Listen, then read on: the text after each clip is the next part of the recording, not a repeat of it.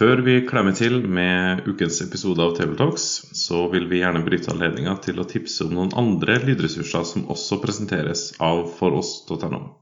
I din podkaster så kan du søke på foross.no, og da vil du kunne abonnere på spørsmål og svar på podkasten eh, Spør oss, eller også serien Ekteskap og samliv, der ulike relevante tema i samlivet, og særlig ekteskapere, tas opp. Så hør gjerne på det også. Så til dagens episode.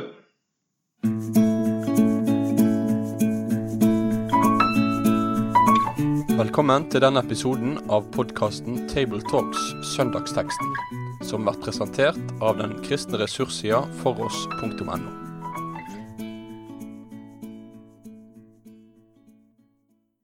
Ja, Da vil jeg ønske velkommen til en ny episode av eh, Tabletalks over søndagsteksten og eh, Denne gangen så er det en eh, lignelse fra Lukas kapittel 18, vers 1-8, som er teksten. Og så er det tre stykker som sitter i denne gruppa her i Stavanger. Eh, den ene det er Øyvind Solheim. Han er forkynner i NLM i Region Sør-Vest. Den andre det er Erling Lundeby. Han er forsamlingsleder i IKF her i Stavanger og arkivleder i NLM. Og jeg heter Jan Helge Aarseth og er lærer på Fjelltun bibelskole. Nå skal vi først eh, lese denne bibelteksten som vi har for søndagen. Det er fra Lukas kapittel 18, vers 1-8. Han sa en lignelse til dem om at de alltid skulle be og ikke bli trette. Det var en dommer i en by som ikke fryktet Gud og ikke tok hensyn til noe menneske. Og det var en enke der i byen hun kom gang på gang til ham og sa, Hjelp meg til å få rett over min motstander. Lenge ville han ikke, men til sist sa han til seg selv, Om jeg verken frykter Gud eller tar hensyn til noe menneske, så vil jeg likevel hjelpe denne enken til å få rett, fordi hun bryr meg slik. Ellers kommer hun vel til slutt og slår til meg. Og Herren sa, Hør hva denne urettferdige dommeren sier. Men skulle da ikke Gud hjelpe sine utvalgte til deres rett, de som roper til ham dag og natt? Er han sen når det gjelder dem? Jeg sier dere, han skal skynde seg å hjelpe dem, så de får sin rett. Men når Menneskesønnen kommer, mon han da vil finne troen på jorden? Ja, Dette er bibelteksten som vi har for oss. Hva er det vi skal starte med med tanke på denne lignelsen hos Jesus her? At vi ikke skal bli trøtte, men eh, eh, frimodig fortsette å be. Fordi vi har en som, en som bryr seg, til forskjell fra denne underlige, urettferdige dommeren. Det er lett å gå trøtt i bønnen, eh, men her oppmuntres vi av Jesus til å, å være både pågående og frimodige, og, og ikke gi oss i bønnen. Hos deg, Erling, har du tenkt på noe når det gjelder hovedpoenget her? Jeg eh, ser vel det slik at uh, igjen ramma hele Bibelen. Uh, bønn er noe av det viktigste vi kan gjøre som kristne. I Åpenbaringen 3.20 så sier uh, Jesus 'Se, jeg står for døren og banker'. Og Ole Hannesby tok det som utgangspunkt i sin tid for hva bønn er. Det er å åpne opp sitt hjerte. Og dermed så blir bønn den måten som kristenlivet ytrer seg, akkurat som pust er sjelens åndedrett, kalte han det. Så det vil jeg eh, si er en, en, eh, et hovedpoeng her. At bønn er som sjelens åndedrett. Kanskje eh, mer enn den kontrasten som vi ser her i, i eh, lignelsen. For det er en kontrastfortelling som vi har for oss. Ja, Jesus når han underviser her i eh, lignelsen, så, så, er han midt inne i på en måte et område der han snakker om Guds rike, og Guds rike som kommer til oss. Ehm, hva er det han eh, på en måte ønsker å få fram her? Dette med Guds rike som kommer. Han sier det i, får et spørsmål her fra eh, kapittel 17, vers 20, der fariseerne spør om når Guds rike skulle komme. Og dette med Guds rike som har kommet til oss, og som skal komme, Eh, og om Jesus som kom, og som skal komme igjen. Eh, hadde de en forventning på den tida med tanke på dette med at Jesus skulle komme igjen, hvordan var den for disse aller første kristne? Ja, De hadde vel en sterk forventning ut ifra løftene om at Gud en gang skulle gjenopprette retten, gi rettferdighet igjen. Og vi ser at uh, i lignelsen så handler det om en enke som, som ber om å få sin rett. Uh, og, og, og, det munner ut i at, uh, at det er en bønn om rettferdighet som, som Gud vil etterkomme. Han vil komme sine til, sin hjelp, til hjelp og gi dem sin rett. Så de hadde nok en forventning om at, at når Guds rike kommer, da skal all urett gjenopprettes. En kjenner på at verden er i ulage, eh, at det er mange som opplever å bli behandla urettferdig, enten i nære relasjoner eller i krig, urett. Og så er det et rop og en nød om at, at eh, det, det, må gjøres opp, at det må bli rett, rettferdighet igjen. Nå er det kanskje noen som har forventning omkring dette med Guds rike og bønnen, at en skal på en måte få svar øyeblikkelig. Altså, I vår tid så skal alt skje på en måte eh, instant. Det skal være, du, du, skal putte på, og så får du ut. og Du skal trykke på en knapp, og så virker det. Eh, men hvordan blir bønnene framstilt her, Erling, med tanke på denne lignelsen til Jesus? Er det noe sånn som du liksom slår på en bryter, så har du det? Nei. Eh, vi ser jo at enka her får på en måte ros fordi hun er utholdende. Og utholdenheten tror jeg vi skal ta med oss Eh, men jeg, eh, jeg, tror vi kunne ha nytte av å se på i eh, teksten her, så er det deler av teksten som vi kan kjenne oss igjen i, men så er det da forhold som er så helt annerledes i Guds rike. Og som gjør at det er en kontrastfortelling, som vi sa. Fordi enka som sådan, den svake, Eh, du nevnte noe om det når vi snakka i forkant her, Øyvind. Om, om, eh, hun står som representant for alle de som er urettferdig behandla og, og, ikke har noen rettigheter. Enkene står mye for de svakeste i samfunnet. Eh, og Det er en veldig kontrast til denne dommeren som har makt, og som har eh, muligheter til å få ting igjennom, mens hun er hjelpeløs. For en enke på den tiden var på en måte hjelpeløs. for det var menn som skulle representere kvinner på den tiden. Det var mennene som skulle stå opp. Onkler, menn, brødre. De skulle stå opp for kvinnene. Mens når enken var alene, så var hun uten gode forbindelser. Uten muligheter. Annet enn som hun her gjør da. Hun gir seg ikke. Så det er Hun representerer de svake, de som er blitt dårlig behandlet, og som ikke har muligheter. Ja, Og som må, må, må forholde seg til en dommer som eh, har alle muligheter til å gi henne rett, men som ikke vil gi henne. Så urettferdigheten blir så uh, slående. Uh, og, og, og, der tror jeg at vi må, vi må fri oss fra og, og, tro at det her er en sånn parallellføring. Vi kan identifisere oss med enka på sett og vis, men Gud er ikke dommeren. Som er av en sånn art at du må mase og mase og mase, og så Kanskje til slutt så gir han seg, og han bryr seg egentlig ikke. Eh, så, så her er eh, deler av, av lignelsen eh, kan vi ta til oss og, og, og, kjenne oss igjen i. I andre så er det nettopp kontrastene som Jesus vil ha fram. Ja, Det er liksom litt sånn at, at Jesus stiller opp for oss en veldig urettferdig dommer som verken bryr seg, frykter Gud eller mennesker, og som gir seg til slutt fordi han opplever kvinnen som plagsom.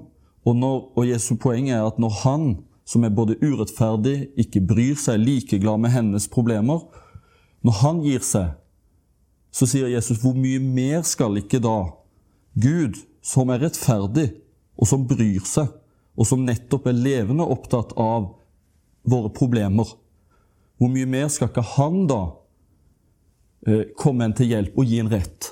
Når selv denne uh, ufordragelige dommeren faktisk gir henne rett. Eh, nå var du ærlig inne på dette med bønna sin natur. Altså dette bildet med åndedrettet, eller pusten, som vi er inne på, som vi lever i. Og Jesus han sier i innledninga til denne lignelsen at de skulle, alltid skulle be å ikke bli trette. Er det flere eksempler fra Skrifta som går på dette med, med oppfordring til dette med utholdenhet?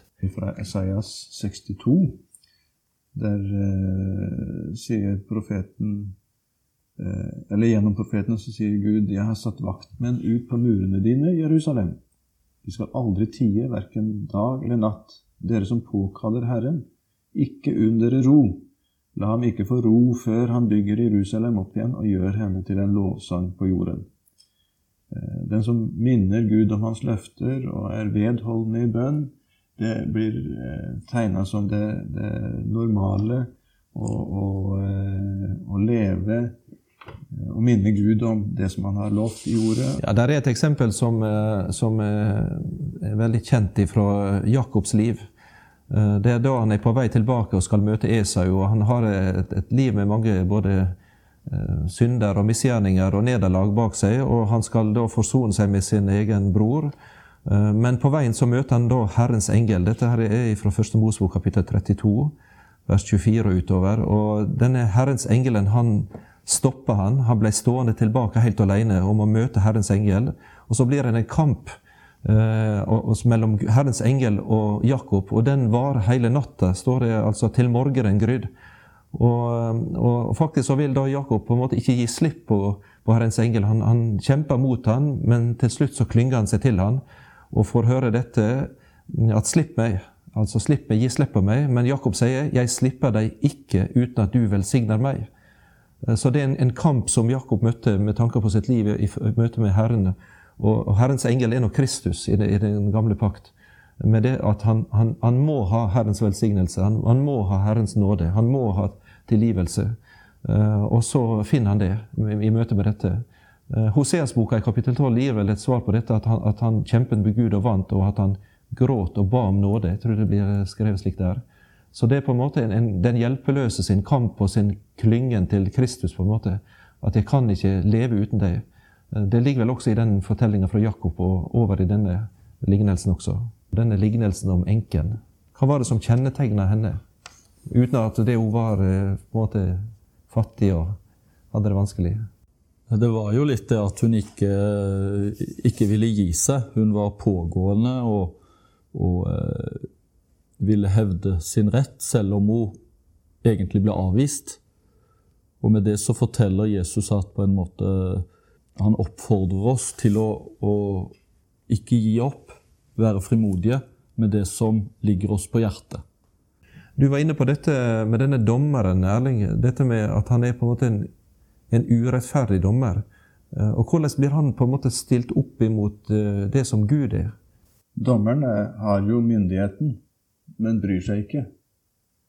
Eh, Gud har myndigheten, men vi møter jo Gud som noe helt annet. Det er en som strekker seg etter sine, henvender seg etter sine og vil gi sine all mulig velsignelse hvis de bare vil ta imot det. Så det er, jo, det er jo der kontrasten kommer fram i så stor grad. Uh, det var vel det du var inne på, Øyvind. At uh, det er det som er det kristne håpet når en kan uh, oppleve seg urettferdig behandla, urett. livet går ikke sånn som en tenkte. Og den som gjør urett og, og synes å lykkes med det og komme unna med det, går i grava. Det har aldri blitt eh, kommet for en dag, det som vedkommende gjorde. Men det er ikke siste ordet. En dag så skal det komme for en dag. Og da skal alt det som har vært urett, det skal bli anerkjent som urett, og det skal få sin dom. Fordi Gud bryr seg. Og Gud eh, lar ikke ting ligge. Men eh, vi må kanskje erkjenne at eh, vi ikke ser og kommer til å oppleve at den rettferdige dom felles i min levetid. Men på den siste dag skal den skje. Og da skal eh, de få sin rett, som Jesus sier her. Altså, dette er jo en trøst og en oppmuntring fra Jesus til alle som har opplevd urett, og også til de mange forfulgte kristne som opplever at eh, de blir behandla urettferdig og urimelig. Eh, men de vet at de har en herre som er rettferdig, og som skal sørge for at retten en dag blir gjenopprettet. Jesus sin, sin oppfordring altså det går på dette å ikke bli trette og ikke miste motet. Eh, nå vet vi at Bibelen eh, snakker om ei prøvd tru, eh, som på en måte i løpet av den livet at en må regne med å motbakke vanskeligheter, motstand, forfølgelse, der Bibelen ber oss om å holde ut og ikke gi opp. Jakob har også et ord om at om noen av dere mangler visdom, da må han be til Gud, for Gud gir alle villig og uten bebreidelse, så skal han få det. Eh, knytta til dette med den, når troen blir prøvet, skriver Jakob i kapittel 1 der. Og at det vil komme i mange slags prøvelser.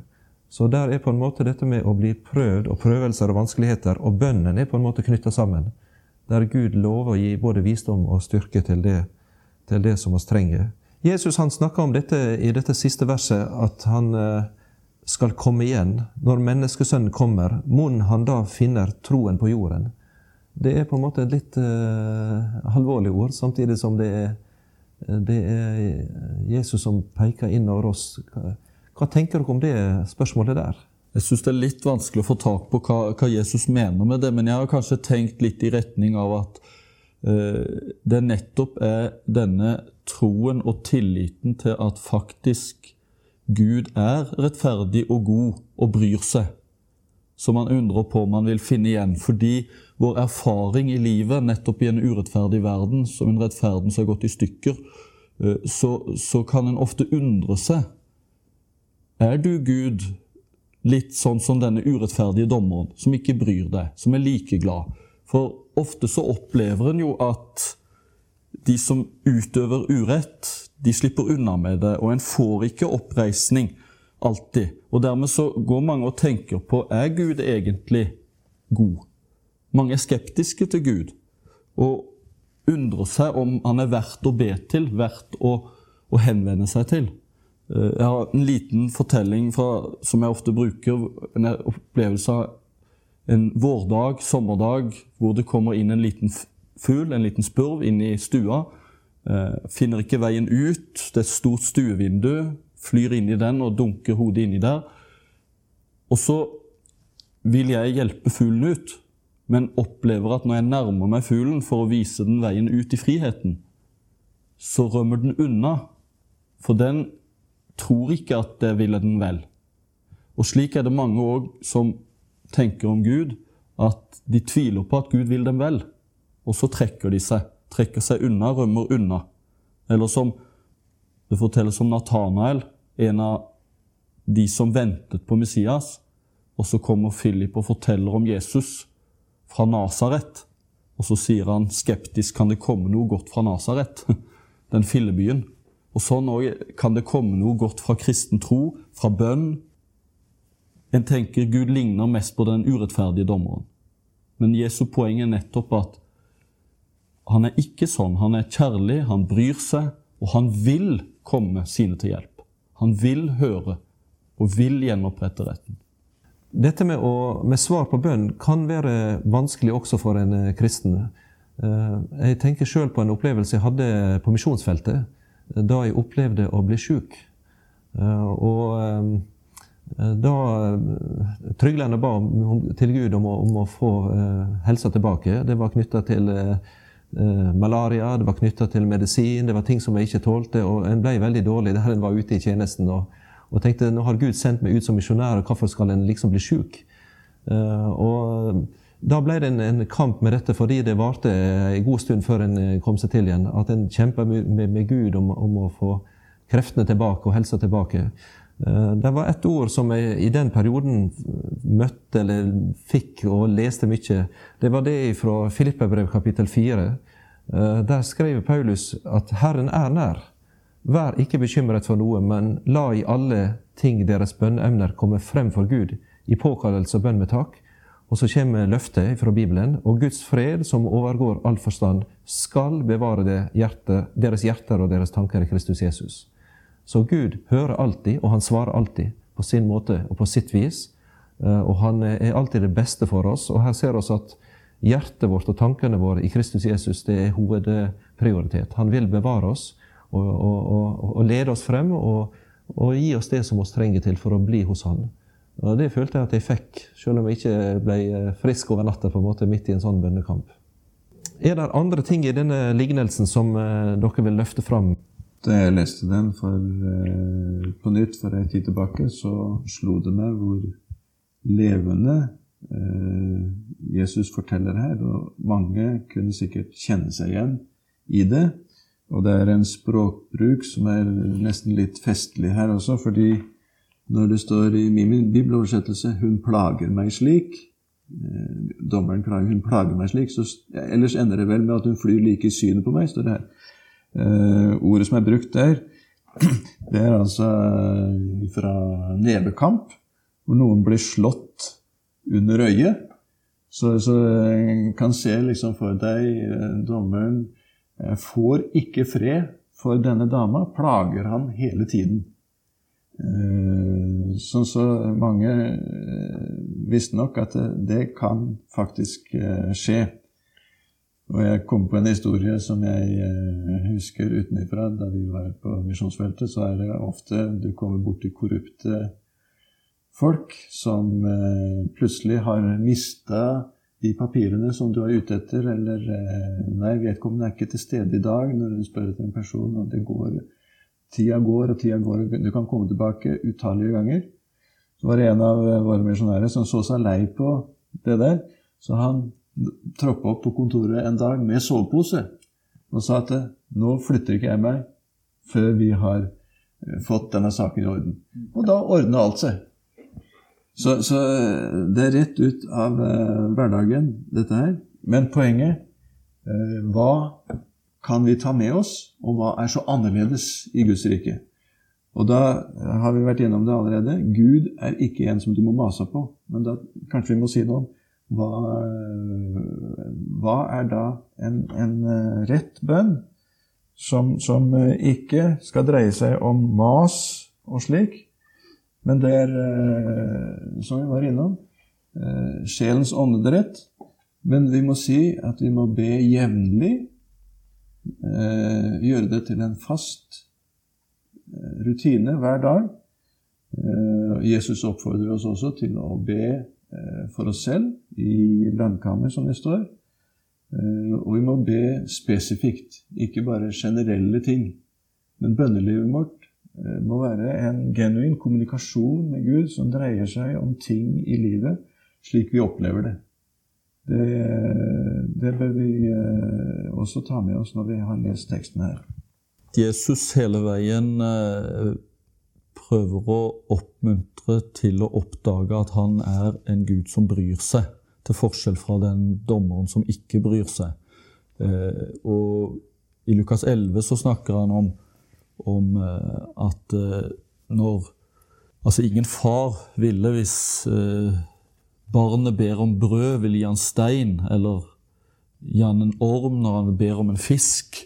Altså, Jesus understreker hele veien at vi har med en far som bryr seg, som elsker, og vi trenger ikke, som Jesus sier, som hedningen å bruke mange ord fordi de tror de blir bønnhørt, fordi de bruker mange ord. Det er ikke slik at vi må være fromme for å bli hørt eller mase. Eh, vi trenger ikke hente Jesus eller Gud ned eller gå ned i dypet for å hente han opp. Eh, han hører og hjelper fordi han elsker og bryr seg. Jeg har et ord som jeg er veldig glad i når jeg ber fra Romerne 8,32, hvor Paulus sier at, om Gud at han sparte ikke sin egen sønn, men gav ham for oss alle. Hvordan skulle han kunne annet enn å gi oss alle ting med ham? Der sier Paulus at Gud har ikke spart på noe. Han ga til og med sin egen dyrebare sønn. Og det betyr hvor Da kan vi være trygge på at han som ikke sparte noe, han vil kunne gi oss alle ting med han. Så det er en nydelig invitasjon til å be. Ja, og Denne invitasjonen den gjelder også i dag. Og, så har også fått høre at Gud er ikke som den urettferdige dommeren som en på en måte må mase på, men han er rettferdig, han er fullkommen og hellig og god. Og han vil hjelpe deg med akkurat det du trenger i den rette tid. Det er et godt løfte i tillegg også, som gjelder denne rettferdige og gode dommeren som Gud er. Der står det slik:" Er vi troløse, så forblir han trofast, for han kan ikke fornekte seg selv. Fra 2. Timoteus kapittel 2. Så det er et godt løfte som du kan minne Gud om, at Gud, du er til å stole på, du er trufast og rettferdig, du må ta min sak og føre min rett. Eh, og det skal en få lov til å minne Gud om i, i, i bønnen, eh, både dag og natt. I, I tråd med at dette er en kontrastfortelling, så er det litt nyttig eh, Det var snakk om en enke her, men vår situasjon som troende er jo ganske så annerledes. For vi er ikke forlatt. Jesus sier at 'jeg etterlater dere ikke farløse', men han har tatt oss til seg og faktisk gjort oss til sine adopterte barn. Vi er, vi er for å være Guds barn. Vi er i hans familie. Eh, og han har satt himmel og jord i bevegelse for å frelse oss. Og som hans barn så kan vi komme til ham i bønn til alle tider. Sånn så eh, Enka måtte mase, for hun er enke. Men vi får være barn av Gud. Og bønnen for oss da blir noe helt annet en, en, en, en mas og, og, streven, men det blir hvile og pust hvor, hvor det åndelige livet ytrer seg. Da vil vi slutte denne delen her med Table Talks med ei bønn til Gud.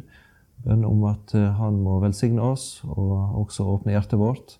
Og at vi kan få leve i denne, dette, denne åndedrettet, denne livspusten Eh, og fellesskapet og samfunnet og dialogen med Gud som vi får ha som Guds barn i Jesus Kristus.